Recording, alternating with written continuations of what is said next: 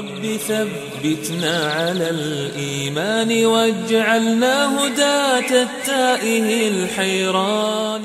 أعوذ بالله من الشيطان الرجيم. بسم الله الرحمن الرحيم. إن الحمد لله تعالى نحمده ونستعينه ونستغفره ونعوذ بالله من شرور أنفسنا ومن سيئات أعمالنا.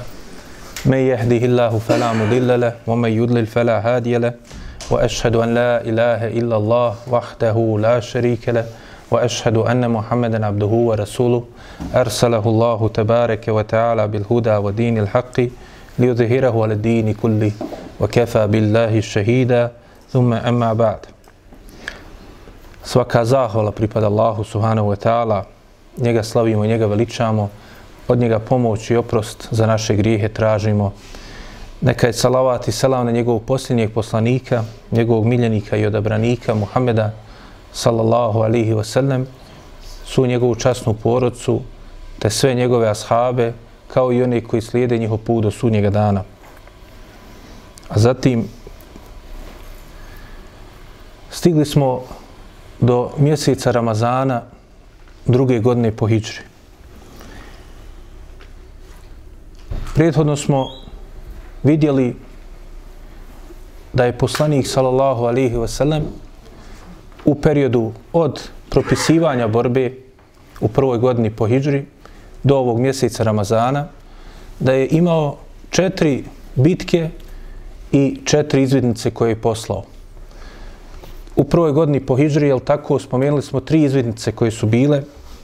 Prva je bila od Hamze ibn Abdul Mutaliba, rekli smo, jel, izvidnice, to je ono gdje nije učestvovao poslanik, sallallahu alaihi veselem, dakle nije bio prisutan. Prva je, dakle, bila izvidnica Hamze ibn Abdul Mutaliba, druga je bila od Ubejde ibn al-Haritha ibn Abdul Mutaliba, dakle, eh, Amidžića, Allahov poslanika, radijallahu anhu. Treća je bila od Saada, a četvrta će doći na kraju, kao što ćemo vidjeti, jel, i to je ono što smo zadnje govorili, od bitaka i izvidnica do sad, to jeste četvrta izvidnica koja se zove izvidnica do mjesta Nahle, a u stvari je poznata i također kao izvidnica Abdullaha ibn Đahša, radijallahu anhu, koja je bila u mjesecu Ređepu, znači dva mjeseca prije mjeseca Ramazana. Od bitaka spomenuli smo da je tek druge godine po Hidžri bilo četiri bitke koje se koje su prethodile bitki na Bedru. A to je, prva je bila bitka Ebua ili Vadan, rekli smo to su dva mjesta na putu između Mekke i Medine, blizu mjesta Džohfe, kod grada Jambo, koji se nalazi na moru, dakle, zapadno od Medine, u, na morskoj obali Crvenog mora, dakle, desile se dvije sljedeće bitke, a to je, dakle, Buvat, to jeste brda koja su nastanjivali E, pripadnici plemena Džuhejne i treća je bila u Šeire, a to je dakle isto jedno mjesto u blizini dakle Jamba. I tu je poslanik sallallahu alejhi ve sellem dakle prisreo tio da dakle presretni e, karavanu koja je nosila odnosno krenula u trgovinu u Šam koji je predvodio Ebu Sufjan. Dakle, poznato je da su Arapi u predislamsko doba imali, dakle, kao što Allah uzvišeni u suri Kureš to ispominje, li ila fi Kureš, ila fihim rihlete šitaju vasajf.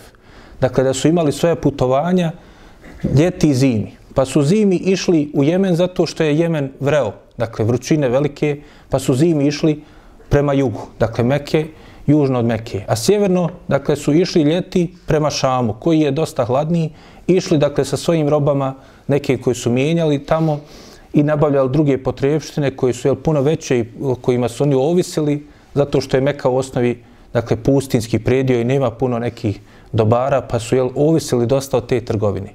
Dakle, ovo je bila ta zimska trgovina i oni su jel, željeli dakle, da svojim standardnim tim putevima da prođu. I Allah je dao da su i prošli. Nije i susreo poslanik sallallahu alaihi ve sellem.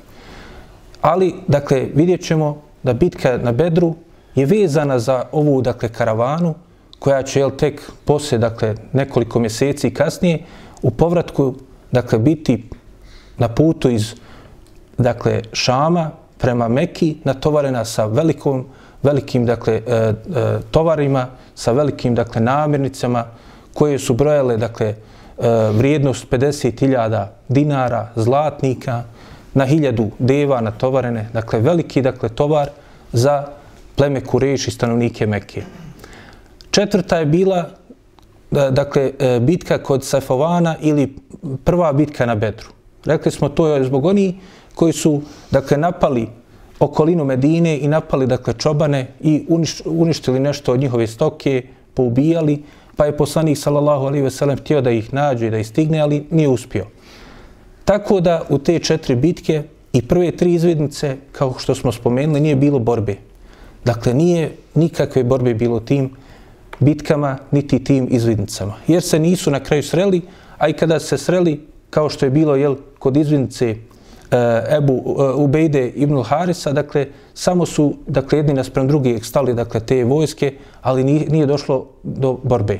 I tu je, kao što smo spomenuli, Sad ibn Abi Vakas, prvi put neko je na lahom putu ispalio koplje, ispalio e, strijelu na lahom putu, a to je bio Sad ibn Abi Vakas, radijallahu anhu. Tek u četvrtoj izvidnici, dakle, imali smo četiri bitke i četiri izvidnice.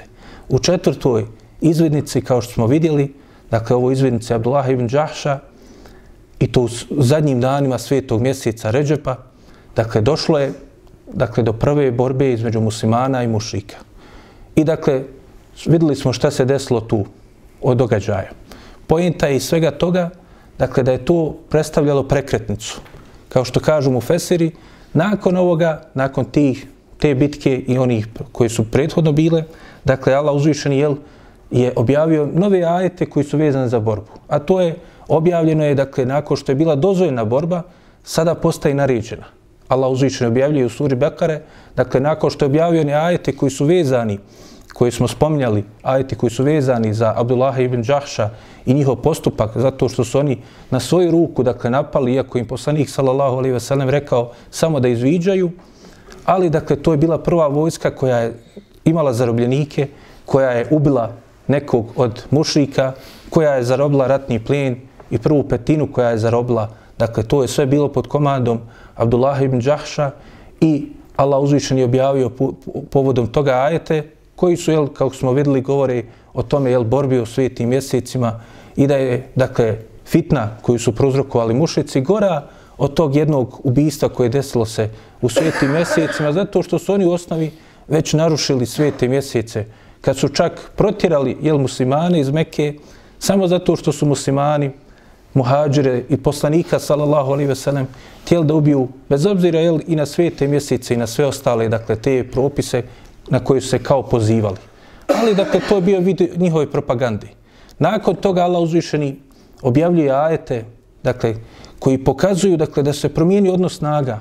Dakle, već mušici su shvatili da sa muslimanima moraju biti oprezni da je poslanik sallallahu alaihi ve sellem nastupio strateški, planski, dakle nije prepustio stvari slučaju, nego je dakle planirao svoje aktivnosti, vodio računa i štitio Medinu i muslimane u njoj dakle, kao što smo vidjeli, pravio je saveze čak sa, dakle, okolnim mušičkim plemenima koja još nisu bili primla islam, dakle, slao je te izvidnice, izlazio je sam, dakle, da presreće, dakle, te karavane, da bi ukazao mušicima da više ne mogu raditi ono što su radili muslimanima prije.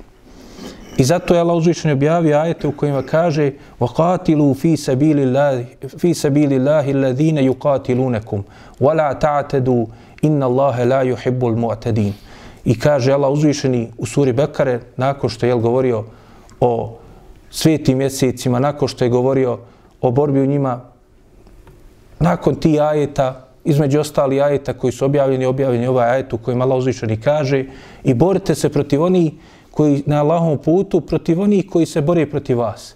I nemojte prelaziti granice, jer Allah ne voli one koji prelaze granice. Kao što smo pojasnili, jel, još u početku govora o borbi, šta to znači.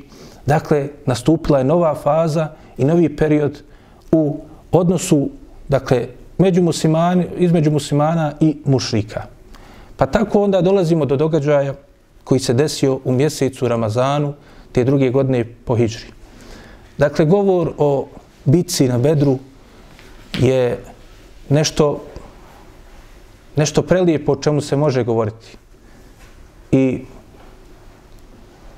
teško je dočarati sve ljepote i poruke i pouke koje se nalaze u ovom događaju velikom koji se desio.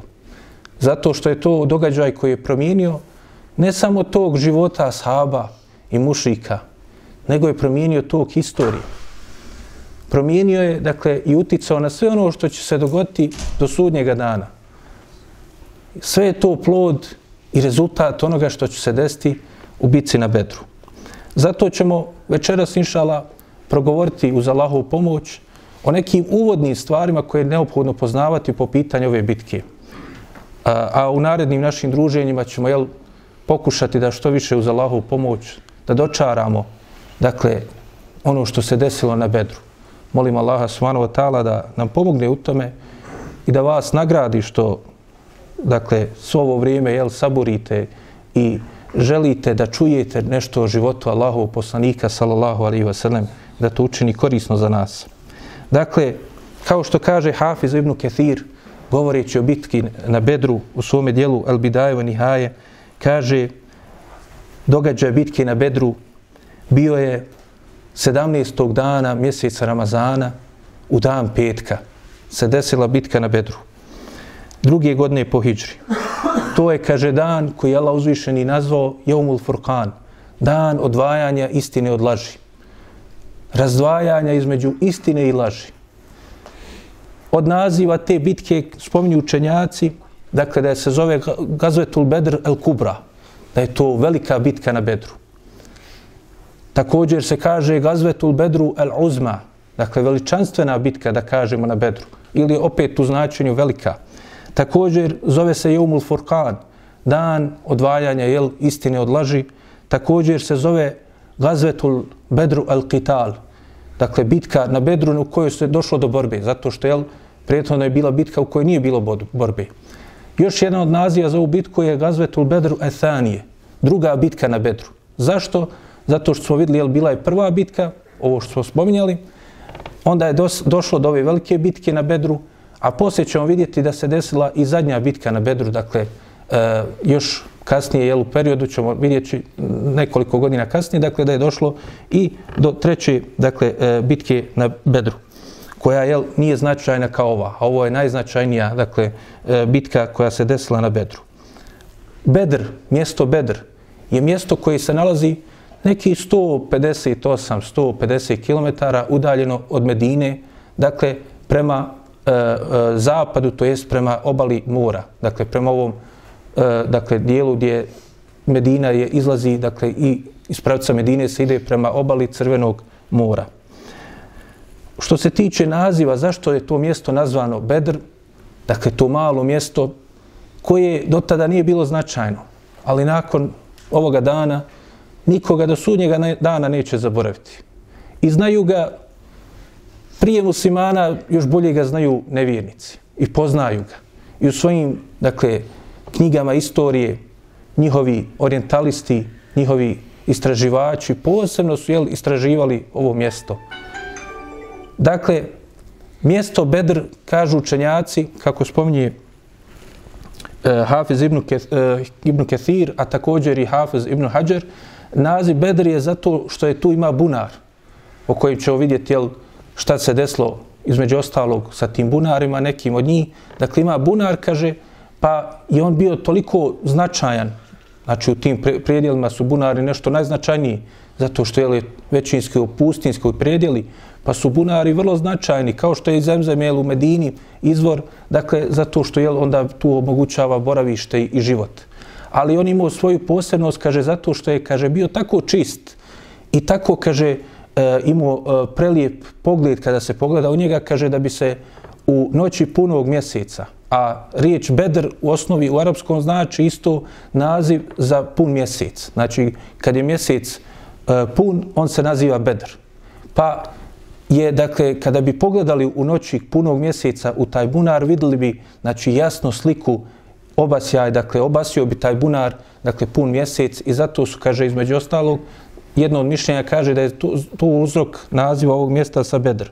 Drugi razlog je, kažu, zato što je bio čovjek koji je, kaže, iskopao taj bunar, kojem je ime bilo Bedr ibn Nazije. i, ka, e, i Bedr ibn Nazin, Bedr ibn Nazin, dakle da je on iskopao bunar, bunar taj, pa je po njemu dakle dobilo se naziv dakle za to mjesto Bedr.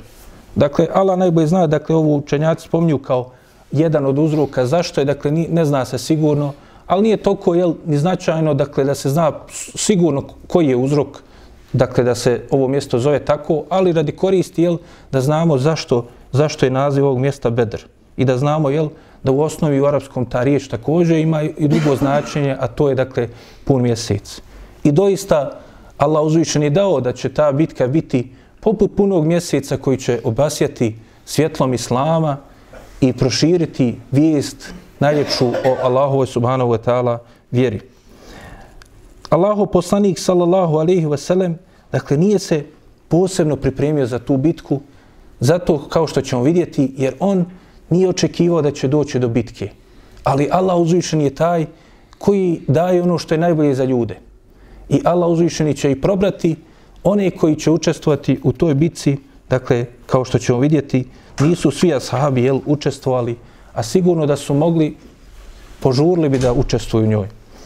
Kaže Ebul Hasan Nedevi, rahimahullah, u svojoj knjizi u kojoj govori o životu Allahov poslanika, sallallahu alaihi wa sallam, kaže, bitka na Bedru je bila bitka koja je, kaže, predstavlja, dakle, prekretnicu u životu Allahov poslanika, sallallahu alaihi wa sallam, prekretnicu u životu njegovog umeta, također predstavlja prekretnicu i u širenju Allahove vjere, a kaže, možemo reći da predstavlja i prekretnicu u istoriji čovečanstva. I sve, kaže, ono što se poslije desilo i u životu poslanika, sallallahu alejhi ve sellem je plod ove bitke. A i ono što se nakon njegovog života desilo. Tako i islam i dolazak islama na naša područja je proizvod i produkt i rezultat bitke na Bedru. Jer da nisu muslimani tada pobjedili, ne bi bilo ni onoga svega što je prije toga bilo. Kao što smo rekli i da je hijđra, dakle, sve ono što se desilo nakon nje, produkt je toga. Jer da nije bilo hijđre, ne bi bilo ni bitke na Bedru. Da nisu mušici napravili takvu grešku, jel, pa natjerali poslanika, salallahu alaihi ve sellem, da učini hijđru u Medinu, ne bi im se ovo vratilo, kako ćemo vidjeti još već na samoj bici na Bedru. Također, jedan drugi učenjak, i, e, odnosno na kraju možemo reći, kao što kaže na kraju svoga ovoga govora Ebu Hasana Nedevi, dakle, kaže, zaključuje i kaže, i zato je, kaže, ovaj dan nazvan dan Furkana, dan odvajanja istine od laži. Zašto? Zato što je sve ovo prouzrokovala ova bitka. Dakle, da se počela istina obejanivati ljudima, postati jasnija. Dakle, da se počinje islam širiti, počinje jačati. I zato Allah uzvišeni kaže i kaže in kuntum amentum billahi wa ma عَلَىٰ ala abdina الْفُرْقَانِ. Kaže, ako vi budete vjerovali, kao što je spomenuli smo jel, u suri El Enfal, koja govori većinski u suri El Bedr, dakle, Allah uzvišen između ostalo kaže, ako vi budete vjerovali u Allaha i ono što se objavljuje Allahom, poslani, eh, Allahom poslaniku, a ovdje ga je nazvao Allahom robu, zato što je to jel, najplemenitiji naziv za koji čovjek koji može imati. Allah uzvišeni svoga poslanika, najodabranijeg groba, najdobranijeg čovjeka, predvodnika, vjerovjesnika i poslanika, vidimo zove Allah svojim robom. Dakle, to je najveći i najpočasniji položaj koji može čovjek dostići. Da bude istinski Allahov rob. Kaže, ono što mu se objavljuje na dan Furkana, dakle, odvajanje istine, je ume, onda pojašnjava koji je to dan, da ne bi bilo nikakve dakle, sumnje o kojem se danu radi, kaže Allah uzvišeni, umel takal džem'an, kada se dvije, kaže, skupine susrele, dakle, u bici na Bedru. E, drugi učenjak, Abdurrahman Habenek el Midani, poznati učenjak koji je bio iz Šama, Rahimeullah, sredinom prošlog stoljeća, također, govoreći o ovoj bitci, između ostalo, kaže, e, kada pogledamo, kaže, bitku na Bedru, vidjet ćemo da muslimani, iako su bili slabi, iako su bili nemoćni u osnovi, iako su nepripremljeni, kao što smo rekli, izašli dakle, na ovu bitku i nisu svi muslimani ni izašli, bili su malobrojniji, sa manje oružja, sa manje pripreme. Dakle, naspram Kurešija koji, iako isto su izašli, kao što ćemo vidjeti, u osnovi nepripremljeni i iznenada na, u, u bitku, oni su ipak bili prekaljeni u borbi. Za razliku, jel, od poslanikovi ashaba, većinski, dakle to su bili jel, neprekaljeni momci koji su jel, izašli sa njim. Pa kaže ovaj učenjak Abdurrahman Haberneke Al-Midani, kaže, onda je Allah uzvišenika je dao da se desi ovaj događaj već jel, na samom početku, da ashabi vide zajedno sa poslanikom, sallallahu alaihi veselem, da je pobjeda od Allaha uzvišenog. Jer u sve to što su oni imali od nemoći, dakle, slabe pripreme, bili su malobrojni naspram protivnika, opet su oni uspjeli da pobjede zato što Allah uzvišeni je pomogao, zato što su oni bili iskreni i ispravni na Allahovom subhanahu wa ta'ala putu. Ali da bi bili takvi, onda su imali pred sobom jel, događaj koji im je posvjedočio ono što su oni već vjerovali. Ali je učvrstio njihovom vjerovanju da je pomoć samo u Allahovim rukama i da se onda jel, trebaju istinski osloniti na Allaha uzvišenog, a ne na svoju pripremu, ne na svoju snagu i tome dru, e, i tako dalje. Kao što su jel, uradili mušici, pa su opet jel, na kraju izgubili veliki, veliki dakle, porazom u ovoj bitci. E, ovo je, dakle, prva od tih sedam velikih bitaka koje smo spomenuli da su bile u vrijeme i životu Allahu poslanika sallallahu alaihi ve sellem. I to je prva bitka u kojoj je poslanik sallallahu alaihi ve sellem dakle učestvovao i učestvovao svojom borbom. Ovo je dakle jedna od prvih tih velikih bitaka. Ali ona je dakle ima svoje specifičnosti i ona je najveća bitka i najznačajnija. U čemu se ogleda njena značajnost? Kažu učenjaci navodeći razloge, između ostalog, jel, prvi razlog jeste zato što ovo je jedina bitka u kojoj jel, onaj koji su učestvovali, dakle ti odabrani ashabi koji su učestvovali njoj, pripisuju se toj bitci. Dakle, kaže se, kako vidjet ćete u biografijama ti ashaba, kaže se da je bio El Bedri. Dakle, u svoje ime i prezime dobije novi, novo prezime. Dakle, Bedri, to jeste onaj koji učestvovao na Bedru. Dakle, od, onih koji, od, od Bedrija, od onih koji su bili na Bedru. Dakle, to je samo speci, specifično za ovu bitku.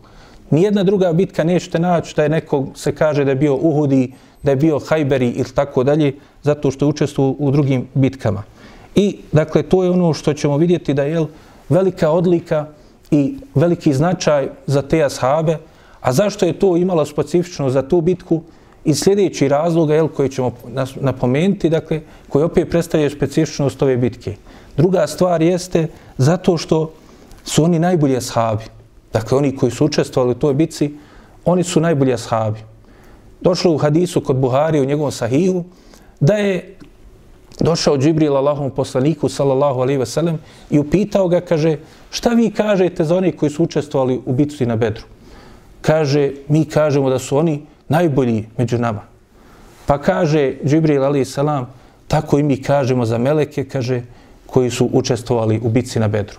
Dakle, najodabranija, najbolja skupina meleka su učesnici bitke na Bedru, u koje spada jel, između ostalih i Džibril alihi salam. Tako je li među ashabima najodabraniji su tih 313, kako se spominje, jel, ili vidjet ćemo jel, razilaženje koliki je tačan broj bio, ali oko 313 otprilike ili 314 ashaba koji su učestvovali na Bedru. I to jel, vidimo jasno iz ovog hadisa i govora poslanika sallallahu alaihi ve sellem, i još potvrde od Džibrila alaihi selam, dakle da je to istinski tako. Treći razlog jel, jeste, i to je opet specifičnost ove samo bitke, jeste da su oni koji su učestvovali u bitci na Bedru, da im je Allah uzvišeni, dakle, obećao dženet, oprostio grijehe i da nijedan od njih nikada neće ući u vatru. Šta je dokaz za to? Dokaz je kazivanje Hatiba ibn Abi Belte, radijallahu anhu, koji je izdao kod oslobođenja Mekke izdao tajnu Allahu poslanika sallallahu alaihi ve sellem i rekao svojoj porodci, dakle onima koji su ostali u Mekki, a nisu bili na islamu od njegove porodce, rekao kada će se desiti bitka. To poslanik sallallahu alaihi ve sellem i nije rekao da ne smiju i da to mora biti tajna. Pa kada je Omer radijallahu anhu isukao svoj sablju da skine glavu Hatibu ibn Abi Belti radijallahu anhu poslanik sallallahu alaihi ve sellem je rekao sljedeće riječi. Kaže, ne, ne omere, jer kaže, Allah uzvišeni je pogledao učesnike na bedru i rekao, a kaže, prije toga mu je rekao, jel, poslanik ve sellem omere, zar nije, kaže, on bio od učesnika na bedru? Pa kaže, on je rekao, naravno, kaže da je bio Allahov poslanić. A kaže, Allah uzvišen je pogledao učesnike na bedru i kaže, rekao im je, radite što hoćete, vama je dženet za to što ste radili. Ili kao što je došlo u tom hadisu, koji bilježe imam, dakle, Buharija i ima muslim u svojim sahima, kaže, u, u, kaže, pošto je El Ravija sumnja, onaj koji prenosi hadis, kaže, ili je rekao, kaže, oprošteno vam je. A to je isto ima značenje. Znači, onaj kojemu je oprošteno, on će ući u dženet. A onaj koji je u dženetu, njemu je oprošteno. Kod imama Ahmeda je došao također hadis u kojem se kaže da je poslanik sallallahu alaihi ve sellem rekao, dakle hadis kod imama Ahmeda u njegovom usnedu, ali dobri lance prenosilaca, da je rekao poslanik sallallahu alaihi ve sellem, niko od učesnika bitke na bedru neće ući u džehennem. Dakle, to je dakle, garancija koja čini ove učesnike jel, najodabranijim ljudima koji su hodili zemljom od ovoga umeta. Četvrta specifičnost jeste ovo spominuto učešće meleka. Dakle, bilo je još nekim bitkama da su učestvovali meleci, dakle, ali nikak, ni u jednoj drugoj bitci kao u ovoj. I dakle, i zato vidimo jel, i ovaj govor Džibrila, ali i salam, da su to najodabraniji meleci, dakle, koji su učestvovali u ovoj bitci. I, dakle, to pokazuje jel, da to posebnost i specifičnost velika za ovu bitku. Ko, u, isto u hadisu kod imama Ahmeda u njegovom usnedu spominje se da je Ebu Davud el-Mazini, radijallahu anhu, još jedan od učesnika bitke na Bedru, prepič, prepisi, e, prepričavajući šta mu se desilo u ovoj bitci, rekao, krenuo sam svojom sabljom, kaže da zamahnem prema jednom od mušika i kaže, nije još došla uošte moja sablja do njega, kaže, vidio sam kako pada glava sa njega. Pa je prepričao to poslaniku, sallallahu alaihi ve sellem i dakle, to je bilo jel, zato što su meleci pomagali muslimanima i direktno učestvovali u ovoj bitci, dakle, u borbi protiv mušrika. Povod bitke, zašto je došlo do ove bitke? Dakle, kao što smo rekli, u pohodu prema mjestu Ušeire i bitci koja se nije odigrala tamo, dakle, poslanik sallallahu alaihi ve sellem je htio da presretne njihovu karavanu koja je krenula prema Šamu. E sada ta karavana se vraća iz Šama. I poslanik sallallahu alejhi ve sellem je obaviješten da se ona vraća i onda je izašao sa grupom ashaba da je presretni. Dakle, to mu je bio povod izlaska na Bedr. Dakle, nije bio da dođe do bitke. U osnovi, dakle, ta karavana, kao što smo rekli, bilo je u njoj hiljadu, dakle, e, deva koja su bile natovarene sa tovarom, sa robama koji su vrijedile 50.000 dinara, dakle, vrlo vrijedna karavana i značajna ali dakle u njoj je bio samo Ebu Sufjan kao predvodnik sa 30 ili 40 ljudi kako je došlo u predajama, dakle da su bili, dakle e, oni koji su bili sa njim kao zaštita za tu karavanu, jel, na tim putema u to vrijeme morali su ići jel, ljudi koji su štitili karavane. I spominje se, kaže, da nije bilo nijedne kuće, nijednog značajnijeg, dakle, e, predvodnika iz plemena Kurež, a da nije imao svoga udjela u toj karavani. Osim, kaže, jednog čovjeka, a to je, kaže, Huvaitib ibn Abdul Uzza. Kaže, on je jedini, kaže, koji je bio jedan od značajniji, a nema, kaže, dakle, nije imao svoga udjela u toj karavani. Pa zato, kaže, on i neće učestvovati u bici na Bedru. E, od onih koji su zajedno bili sa Ebu Sufjanom, treba izdvojiti još da je sa njim zajedno bio i Amr ibn Las. Pogledajmo, Ebu Sufjan, predvodnik, jedan od dakle, veliki boraca protiv poslanika, salallahu alihi veselem, posebno u toj bitci. Zajedno s njim ja, Amr ibn Alas, kasnije i jedan i drugi, dakle, Ebu Sufjan, Sahr ibn Harb, radijallahu anhu, će primiti islam, a također i Amr ibn Alas. I također i njihovi sinovi, Muavija i Jezid, sinovi Ebu Sufjana i Abdullah ibn Amr ibn Las, radijallahu anhum ajma'in. Dakle, na kraju će svi oni da prime islam i da budu ne samo ashabi Allahov poslanika sallallahu alaihi ve sellem, nego vrlo značajni i velike vojskovođe i veliki, dakle, neki od njih, jel, poput Muavije, vladar, dakle, veliki halifa, Jezid ibn Abi Sufjan, jedan od onih koji je oslobodio Šam, onaj koji je predvodio vojsku koja je ušla u Damask i oslobodila Damask, radijallahu anhum. Dakle, poslanik sallallahu alaihi ve sellem je želio da dakle samo da presretne ovu dakle e, karavanu i da uzme taj njihov plin. Dakle, jer se promijenio sada odnos snaga. Znači, Allah je odobrio da mogu za, zarobiti to. Pa je zato došlo da je poslanik sallallahu alaihi sellem kako bilježi Imam Ahmed e, i drugi između ostalog prenoseći od Ibn Ishaka, dakle da je poslanik sallallahu alaihi wasallam rekao, kaže, ovo su, kaže, kurešije, kaže, i njihova karavana. Pa kaže, izađite da ih presretnijete, pa kaže, možda Allah uzvišeni vam dadne u tome ganimu, dakle, dadne vam ratni plijen. Kod imama Taberanija se spominje da je Ebu Ejub Belensari slično prenio da je poslanik sallallahu alaihi ve sellem rekao, kaže, nakon što je obaviješten da je dakle, krenula ta karavana i da će naići, da je rekao da je to karavana u koju predvodi Ebu Sufjan, dakle, i da bi trebali da izađu i da uzmu, dakle, ratni plijen, kao ratni plijen tu karavanu. Pa je zato poslanik sallallahu alaihi ve sellem, oni koji su se zadesili sa njim, dakle, pozvao da ga, da ga podrže u tome.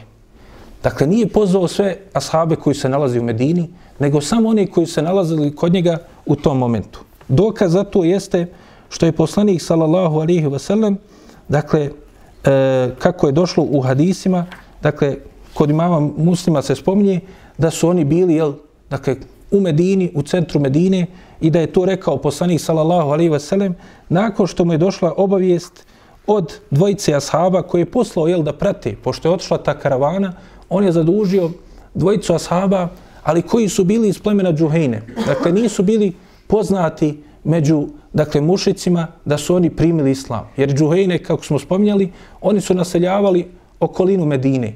Pa su, jel, dakle, ta dvojica bili, nisu bili toliko upadljivi što su oni istraživali i dakle špionirali da vide da li će doći ta karavana. Pa je ashab kojem ime bilo Besbese ibn Amr el-Džuheni i njegov, dakle, prijatelj ili poslanikov, jel, opet ashab, i također iz plemena, dakle, Džuhejne, dakle, Džuheni, Adi el-Džuheni, izašli su da potraže, dakle, tu karavanu. I došlo je, dakle, u e, hadisu kod imama muslima, da su oni, dakle, čuli da, je, da će naići, da otprilike, jel, u taj taj dan će naići kod, dakle, Bedra. I poslanik sallallahu alejhi ve sellem kako je došlo u drugom hadisu kod muslima u njegovom sahihu, onda je rekao sahabima postićući kaže, ko će izaći sa mnom da dočekamo tu karavanu? Kaže, pa su neki od ashaba rekli, alikum salam, kaže, rekli su, dozvoli nam Allaho poslaniće kada pozovemo i ostale ashabe, oni koji se nalaze u Avali, dakle, to su, jel, predgrađa Medine, dakle oni, kako smo rekli, s mjestima poput Kuba i ostali, da i oni dođu. Pa je poslanik sallallahu alaihi wa sallam rekao, kaže, ne, samo kaže oni koji su ovdje prisutni, kaže od, ova, od vas koji hoće, dakle, ostavljeno im bilo na izbor, nisu bili obavezni kao što će biti u drugim bitkama, da kada krenu, zato što je ovo bio pohod da se dočeka ta karavana, ne da se jel povede velika bitka. Ali Allah uzvišeni će dati jel da se desi velika bitka. I zato u hadisu koji opet bilježi imam Buharije, muslim u svojom sahihu, Kaab ibn, Abi, eh, Kaab ibn Malik, radijallahu anhu, u onom događaju kada je on izostao iz bitke na Tebuku, pa se desilo, kao što ćemo vidjeti, ono što se desilo sa njim i objavi ajeta o njemu i njegovoj dvojici prijatelja, on je između ostalog pričao za sebe, kaže, prije toga nisam izostao, osim, kaže, iz bitke na Bedru. Zato što poslanik, sallallahu alaihi wa kaže, nije nikoga, kaže, kudio od onih koji nisu učestvovali u toj bitci, zato što, jel, dakle, on je želio, kaže ovaj ashab, on je želio, kaže, karavanu Kureša. Dakle, nije bilo pojenta da dođe do bitke. E, spominje se dalje, dakle, da je poslanik, sallallahu alaihi ve sellem, kako je došlo u nekim od predaja, izašao iz Medine, dakle, ili e, devetog dana mjeseca Ramazana, a neki spominju Dakle, došlo je, kaže, nakon što je prošlo osam dana od mjeseca Ramazana da je izašao, to jest devetog dana, a u nekim drugim predajama se spominje da je izašao nakon što je prošlo 12 noći od Ramazana. Dakle, to jeste da je izašao dakle, 12. ili 11. dana dakle, mjeseca Ramazana. Dakle, zato vidjet ćete nekada neki od dakle, u, istoričara navode jednu od, od ovih predaja. Ali, dakle, on je jel, izašao unaprijed prije nego što će se desiti sama bitka. Dakle, da pripremi se jel, i da dočeka tu karavanu, ali kao što ćemo vidjeti šta će se desiti, da ne dođu uošte jel, do toga da oni presretnu karavanu, nego da dođu u osnovi do velike bitke. Kao svoga, dakle, namjesnika i zamjenika u Medini, u prvom momentu je ostavio Abdullaha ibn Umi Mektuma. I njega je, pošto je on, jel, također, kao što znamo, bio slijep, ostavi da ljude predvodi u namazu. Poslije će poslanik, sallallahu alaihi wasallam, uh, ashaba koji je krenuo sa njim, kada dođu do mjesta Rauha, u kojem se, jel, također u blizini Medine nalazi bunar, vratit će ashaba pod imenom Ebu Lubabe i njega ostaviti da zamijeni, dakle, poslanika, sallallahu alaihi ve sellem, dakle, kao njegov zamjenik u Medini, a dakle da Abdullah ibn Umi Mektum ljude predvodi u namazu. Što se tiče koliko je bilo učesnika bitke na Bedru, o tome isto imamo nekoliko predaja koje govori. Spominje se da je poslanik sallallahu alaihi ve sellem kako bilježi ima Buhari u svoje sahihu, od Elbera ibn Aziba radijallahu anhu, koji je tada bio mladić, dijete, još nije bio jel, punoljetan, pa ga poslanik sallallahu alaihi ve sellem dakle, neće mu dati zajedno kako je došlo u tim predajama i Abdullahu ibn Omeru, sinu Omera radijallahu anhu, neće im dati da učestvuju u borbi, ali će oni biti prisutni tu. Dakle, kada se bude polazilo. Pa se od ovoga sahave eh, prenosi ima Buharija u svojem sahihu da je rekao, kaže, izašlo je sa poslanikom, sallallahu alaihi ve sellem, 300 eh, i nekoliko, još nekoliko ashaba. Dakle, oni su jel, imali tu riječ bidata ašer, to jeste, kaže, to je od 3 do, do 9. Znači, između toga se kreće jel, taj broj. 300, najmanje 13, a najviše 319 ashaba da je učestvovao. Dalje kaže ovaj ashab, kaže, od e, muhađira je bilo 60 i nekoliko ashaba, a od ensarija je bilo 240 i nekoliko ashaba čime se jel, opet jel, ostaje dakle, ta dilema koliki je tačan broj bio, ali sigurno je dakle, da je preko 313 dakle, ashaba učestvovalo. I između ostalog jednoj od tih predaja kod Buharije se spominje, kaže da, sam, da je zapamtio taj broj zato što je to, kaže, broj koji je otprilike isti broju oni koji su sa talutom poznato kazivanje u suri El Bekare, kada su jel, bili iskušani, pa kada je rečeno da ne piju ono iz, one, iz onog dakle, e, rijeke vodu i kada su oni koji su jel samo dakle, ispoštovali tu naredbu, na kraju je samo ostalo sa talutom, dakle, e, u onoj bitci koja će se desiti protiv Đaluta, poznato, jel, kada je Davud Ali Selam tu sa vladu kako kako navala uzvišeni dalje u tom kazivanju spominje, dakle, da je na kraju ostalo isto sličan broj. Dakle, 300, 313 e, ili, dakle, u tom otprilike broju da se kretao broj dakle, učesnika toga, a također i učesnika u bitci na Bedru. E, također, u hadisu kod imama muslima je došlo da je poslanik, sallallahu alaihi ve sellem, odnosno da je Omer radijallahu anhu pričao, da je, kaže, poslanik, sallallahu alaihi ve sellem, e, u danu bitke na Bedru suprostavio se, kaže, mušicima kojih je bilo hiljadu, a nas je, kaže, bilo 319. Dakle, ovdje je došlo, dakle, taj najveći broj. Tako da je, jel, između 313 i 319, dakle, se kreće broj, dakle, koliko je učesnika bilo na Bedru. E, što se tiče od Ensarija, dakle, vidimo ovdje je spominuto da je bilo, jel, preko 240, dakle, iz kojih plemena je bilo više, dakle, poznato je da su oni bili, dakle, velika dva plemena, Hazreć i Jaus, spominje se da je više bilo učesnika iz plemena Hazreć, zato što su, kaže, Eus, koji su, iako su bili jači i sposobni, dakle, i bili vični i borbi, ali su oni živjeli u predgrađima, mjestima koja se zovu Avali, dakle, Medine. Dakle, zašto Avali? To je od riječi El Alije, dakle, ili, kako oni kažu, Ehlu Alije. Dakle, to su ti, ti dakle, e, kamenite, dakle, stijene, na koji su malo uzvišenijem, dakle, nadmorskoj visini od centra, dakle, samog grada Medina, pa su jel, oni zbog toga bili poznati po tom nazivu, dakle, ta naselja, ali su, dakle, ona bila udaljena od centra grada, gdje je žila većina, dakle, ovih, dakle, e, plemena Hazreć i Muhađira. Pa zato, jel, nisu mnogi od njih, jel, doš, došao do njih uošte vijest da je poslanik, sallallahu alaihi ve sellem krenuo u bitku, bitku, kao što smo spomenuli, poslanik, sallallahu alaihi ve sellem nikoga nije, jel, dakle, tjeo da idu, dakle, svi ashabi, nego samo oni koji se zatekli tu. E, dalje učenjaci, spominju, dakle, s obzirom da ovaj broj koji se spominje, dakle, učesnika u, bedru, na bedru, u bitci na Bedru, nisu svi učestvovali u borbi. Čak neki od njih nisu uošte bili, dakle, na Bedru. Pa su učenjaci, jel, dakle, naveli imena ti ashaba, zato što su oni, jel, od strane poslanika, sallallahu alaihi ve sellem, u u, u učesnike bitke na Bedru i on će im dati ratni plijen i njihov udjel u ratnom plijenu od te bitke, pa su, jeli učenjaci zaključili, to je zato što su oni svaki od njih imali neko od opravdanja. Pa ćemo navesti imena ti ashaba, a spominje se, dakle, 13 ashaba koji su imali takav status. E, prvi koji se spominje jeste Osman ibn Affan radijallahu anhu. Treći je pravedni halifa, treći najvredniji ashab, dvostruki zet Allahov poslanika sallallahu alaihi ve sellem. Dakle, njegova supruga Rukaja, čerka Allahov poslanika sallallahu alaihi ve sellem, bila je bolesna. Pa mu je poslanik sallallahu alaihi ve sellem odobrio da ostane u Medini, da bude uz nju. I ona će preseliti prije nego što se vrati poslanik sallallahu alaihi ve sellem. I kao ko je došlo u hadisu kod Buharije, u njegovom sahihu, da je poslanik sallallahu alaihi ve sellem ubroje osmana učesnike na bedru i dao mu od ratnog plijena.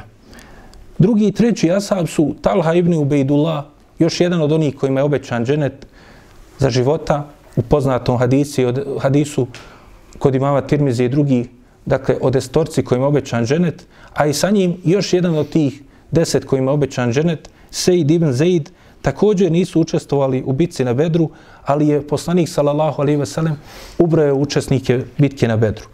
To je zato što, kako spominje u svojim tabekat Ibn Sad, da je poslanik, sallallahu alaihi ve sellem, također i njih dvojicu poslao, dakle, da prate, dakle, kretanje ove karavane, kada će naići.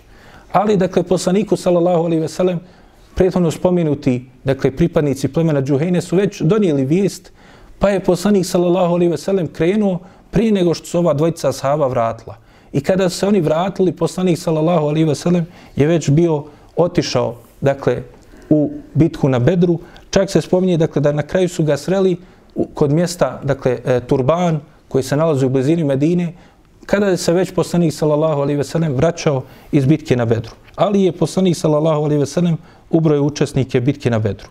Također ashab koji smo spomenuli da je ga poslanik ostavio kao svoga namjesnika i zamjenika u Medini, Ebu Lubabe ibn Abdul Munzir el Ansari, dakle poslanik sallallahu alejhi ve sellem iako je krenuo sa njima, sa njima u bitku, dakle vratio ga je da on ga zamijeni u Medini. E, I kako je o tome, dakle, spominje, dakle, hadis imam hakim u svojemu stedreku kod Buhari i muslima došla nam je potvrda dakle, da se ovaj ashab, dakle, u jednoj od predaja se spominje, dakle, njegovo ime kaže se Ebu Lubabe ibn Abdul Munzir el Bedri. Znači, potvrda da je on od učesnika bitke na Bedru. E, peti ashab koji je izostao jeste Ebu uh, uh, Umame ibn Salebe el Ansari. Ali ga je poslanik, sallallahu alaihi ve sellem, ubrao učesnike bitke na Bedru. To je zato što je, kaže, njegova majka se razbolila, pa kaže, on je htio da izađe u bitku na bedru. Ali, e, pošto je bila bolesna, zamolio je svoga, kaže, tetka, dakle, njenog brata, odnosno, nije svoga tetka, e, svoga halalte dajđu, dakle, njenog brata, dakle, da on ostane sa njom. Taj ashab je, ime mu bilo Ebru, Ebu Berde ibn Nijar. E, pa kaže, posle, zamolio ga je da on ostane sa njom. Kaže, ti si joj, kaže, brat, pa de ti ostani, ja hoću da idem u bitku. Pa mu je on rekao, kaže, ali ti si joj sin, preče si ti da ostaneš sa njom. I to su, kaže, izložili Allahov poslaniku, sallallahu alihi veselem, pa je poslanik, sallallahu alihi veselem, rekao, dakle, da je on preči da ostani. I na kraju ga je opet ubrojao od učesnika bitke na Bedru, ali je ostao sa svojom majkom, koja će preseliti dok je bila jeli, u toku bitka, pa će poslanik sallallahu alaihi ve sellem nakon što se vratio i klanjati dženazu. Dakle, ovaj ashab je, dakle, kako to spominje Ibn Athiru Esedul Gaje, peti koji je ostao, ali dakle, učesnik bitke na Bedru. Šesti je Asim ibn Adi el Ađlani. Asim ibn Adi el Ađlani, poslanik sallallahu alaihi ve sellem ga je ostavio dakle, kao svoga zamjenika za stanovnike Kuba i dakle, ti dakle, avalija, dakle, ti prigradski naselja Medine. Pa je, dakle, također i njega, kako bilježi imam hakim svoga, u Stedreku, učinio od oni koji su učesnici u be, na bitci na Bedru i dao mu od ratnog plijena poslije. Sedmi je e, Haris ibn Simme e, radijallahu anhu. El Haris ibn Simme radijallahu anhu, dakle, on je na putu, kada su bili kod tog mjesta Rauha, dakle, upao i slomio, dakle, svoju nogu, pa ga je poslanik sallallahu alaihi ve sellem vratio u Medinu. Kako je, jel, također se spominje, dakle, to vjerodostojnim putem u Fethul Bariju, to spominje Hafiz ibn Hajar, da su to zabilježili istoričari prije njega. E, osmi asab koji je također izostao zato što je slomio, dakle, e, e, kako se spominje, e, slomio je svoju, dakle, potkoljenicu, jeste Hawat ibn Đubeir, radijallahu anhu. Dakle, pogledajmo ova sva imena, većinom nismo čuli za njih. Ali ovo su, jel, učesnici bitke na Bedru, koji su od stanovnika dženeta, koji su najodabraniji ashabi Allahov poslanika. I zato značajno je da spominimo sva ova imena, makar jel da kažemo da Allah uzvišeni nagradi za sve ono što su radili ovi ashabi, za islam, za Allahovu vjeru, a i za nas time, jel svime što su učinili na Allahovom putu. Dakle, Hawat ibn Džubeir je dakle, slomio svoju potkoljenicu i on je osmi koji je izostao. Deveti je Huzeyf ibn Jeman, radi Allahanu. Poznat je ovaj, jedan od poznatija ashaba. Pa kaže, spominje se, kako bilježi ima muslim u svoje sahiju, da je on bio izašao nekim poslom sa svojim babom, kojem je ime Huseil. Dakle, njegovo ime je Huseil, a vidimo, kaže se Huzeife, sin Jemana. To je zato, kaže, što je on, dakle, i svome plemenu učinio neku, neki prekršaj i da spominje se da je nekoga, dakle, povrijedio i trebao je nešto, dakle, da plati neku krvarinu i tako dalje, pa kaže, pobjegao je kod porodce Abdul Ešhel u Medinu i kaže, postao je kao njihov e, štićenik. I dakle, došlo je do, dakle, do pakta između njega i njih. Dakle, što jedan od naziva za to jeste to Jeman, Jemen. Dakle, pa je zato on postao poznat po tom svome nadimku, a njegovo pravo ime je Husein. Pa kaže, izašli su nekim poslom i onda su naišli dakle, na tu mušičku vojsku. Pa su oni upitali ih, kaže, šta vi želite? Kaže, jel to vi želite da odete po Sariku, salallahu alaihi sellem da ga stignete? Oni su rekli, ne, tako nam Allaha, mi želimo, kaže, Medinu. Želimo da se vrati u Medinu. Ne znajući, jel, šta se dešava. Pa je, dakle, oni su im dozvolili i pustili da se vrate u Medinu. Kada su došli u Medinu, zatekli su poslanika, salallahu alaihi ve sellem, koji se pripremio da izađe. Pa su htjeli oni s njim da izađu. Ali je poslanik, salallahu alaihi ve sellem, rekao, iako je mušicima, neprijateljima, dakle su dali obećanje, kaže, vi ispoštujte svoje obećanje, kaže, Allah uzvićeni će nas pomoći. Dakle, vi ispoštujte jel, ono što ste im dali da bi vas vi pustili. Dakle, pošto je dogovor, čak i u takvoj situaciji, čak i ako su oni malobrojni, svaki čovjek je značajan, dakle, ipak, dakle, da ispoštuju dogovor koji su napravili. Deseti koji se spominje jeste Džabir ibn Abdullah radijallahu anhuma. Spominje se u hadisu kod Ebu Davuda u njegovom, dakle, sunenu, hadis kojeg je Hafiz ibn, Abdul, uh, uh, Hafiz ibn Hajar ocijenio vredostojnim, da je ovaj ashab također, dakle, e, nije učestvo u bitci na Bedru, ali da se ubrojao u njene učesnike.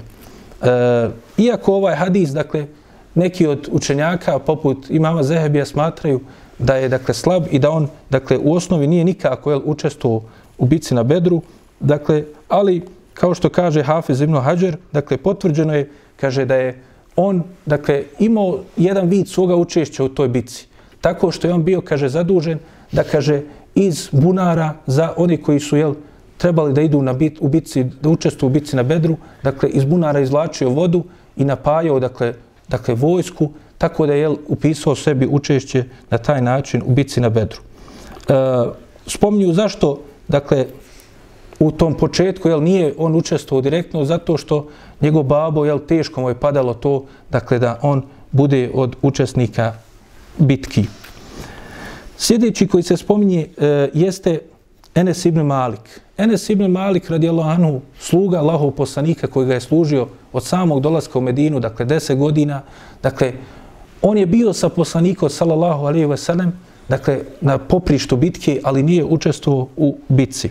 Pa se spominje u hadisu kod imama Ahmeda i Hakima, dakle u njegovom mustedreku, da je, kaže, e, on bio u, dakle, u bitci na Bedru i ubrojio se u učesnike bitke na Bedru, ali dakle nije učestvovao u borbi i spominje se, kako kaže e, Imam Zehebi, to je zato što je on, kaže, ostao dakle sa onom dakle njihovim dakle šatorima, njihovim dakle e, robom koji su imali sa sobom svojim dakle svojom logistikom da kažemo, dakle ostao sa tim i dakle nije učestvovao direktno u borbama koje se odvile u bitci na Bedru.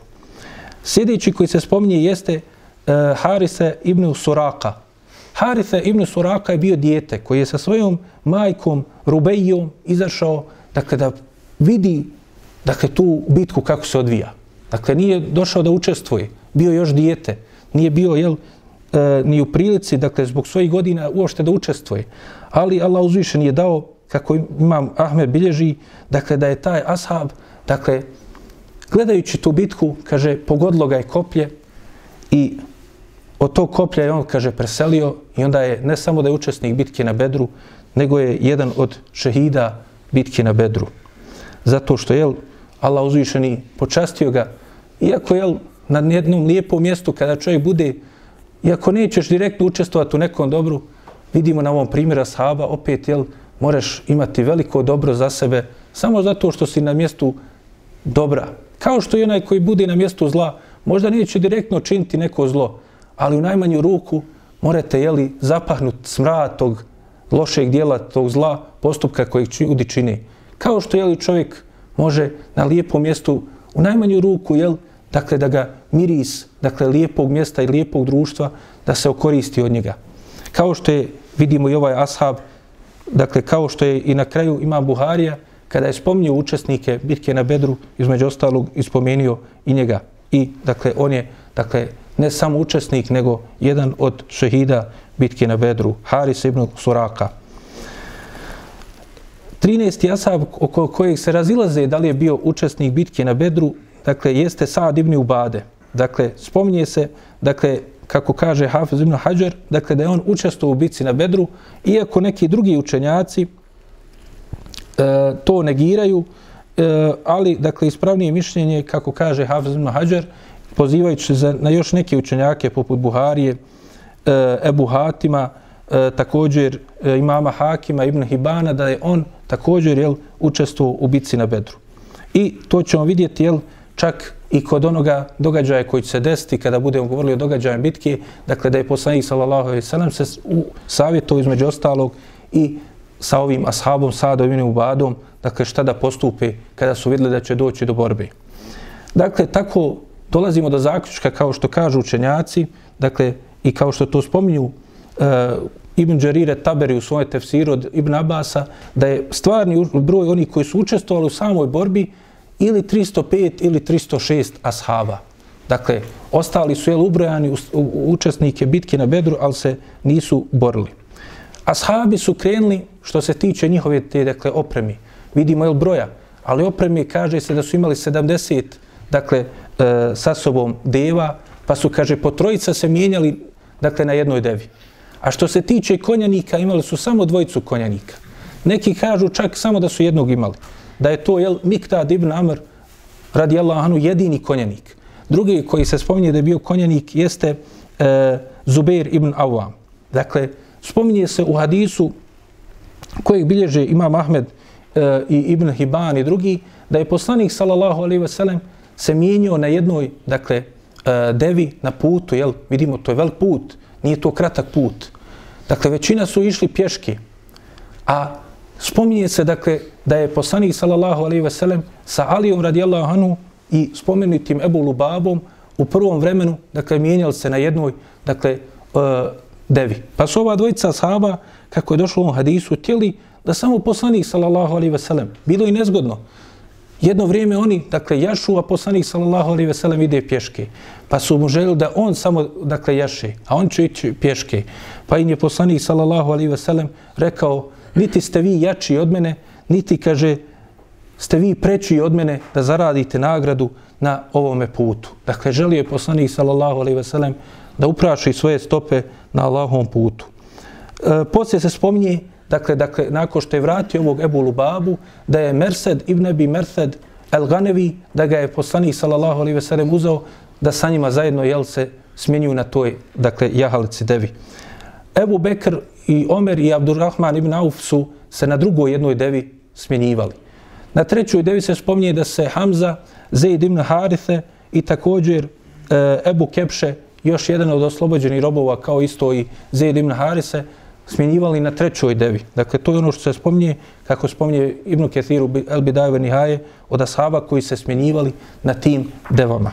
Dakle, poslanik sallallahu alihi wasallam, dakle, na kraju ovoga svega, ovdje ćemo inšala i zastati, možemo još samo spomenuti da kao što kažu učenjaci, da ovaj broj koji su ashabi, dakle, mali imali, i ovu, e, dakle, malu e, opremu koju su imali, kaže, na kraju opet vidimo kad Allah uzvišeni kaže u suri Alu Imran nakon što je govori i uvod u govor o bitci na Uhudu spominje Allah uzvišeni dakle bitku na Bedru i kaže وَلَقَدْ نَسَرَكُمُ اللَّهُ بِبَدْرٍ وَأَنْتُمْ أَذِلَّ Allah uzvišeni dakle spominje i podsjeća sahabe i na, poslije toga kaže فَتَكُ اللَّهُ لَعَلَّكُمْ تَشْكُرُونَ kaže Allah uzvišeni Kaže, Allah uzvišeni vas je pomogao na bedru, a bili ste, dakle, manjina, bili ste slabi. Kaže, između ostalog, i Hafiz ibn Kathir e, i ibn Hajar, kaže, bili su manjina i brojem, bili su manjina i sa svojom opremom, bili su i manjina i to što su morali da idu pješke do tog poprišta. A vidimo ne samo da je to bio dug put, na primjer, dvojici ashaba koji smo spomenuli, bio je to težak put. Oni su tad dakle, bili skruo slabo opremljeni. Čak se spominje u jednom od hadisa da je poslanik sallallahu alaihi ve sellem dovio za njih spominjući upravo tu činjencu. Govoreći, kaže, Allahu moj, oni su, kaže, goli, pa ih ti, kaže, obuci. Oni su, kaže, bosi, pa ih, kaže, ti opremi. I oni su, kaže, i gladni, pa i ti na, na, na hrani. I nakon toga, kao što Allah uzvišeni kaže, Allah je dao tu pobjedu, jer je samo pobjeda od njega. Pa spominje se da niko od njih se nije vratio, a da nije dakle, imao neku jahalicu sa sobom. Došao je pješke, ali se vratio sa jahalicom zato što se žrtvovao na Allahom subhanahu wa ta'ala putu. Dakle, tu ćemo išala zastati, pa išala sljedeći put ćemo ući u događaje samog, same bitke na Uhudu, molim Allaha subhanahu wa ta'ala, e, bitke na Bedru, molim Allaha subhanahu wa ta'ala da nas podući našoj vjeri, da nam poveća ljubav prema Allahom poslaniku, da nas učini od njegovih istinskih sljedbenika. I molimo ga Subhanu wa ta'ala da pomogne muslimane na svakom mjestu kao što je pomogao i muslimane u ovim teškim dešavanjima i događajima bitke na Bedru i prvi periodu Islama. Allah uzvišen je kadar to da učini. Samo je na nama da se vratimo Allahovoj vjeri. Pa molimo Allaha subhanahu wa ta'ala da se muslimani na najljepši način vrate svoje vjeri i da se često prihvate Allahovog užeta, Allahove subhanahu wa ta'ala objavi. Amin. Subhanak Allahumma wa bihamdike, ashhadu an la ilaha illa anta astaghfiruka wa atubu ilaik. رب ثبتنا على الإيمان واجعلنا هداة التائه الحيران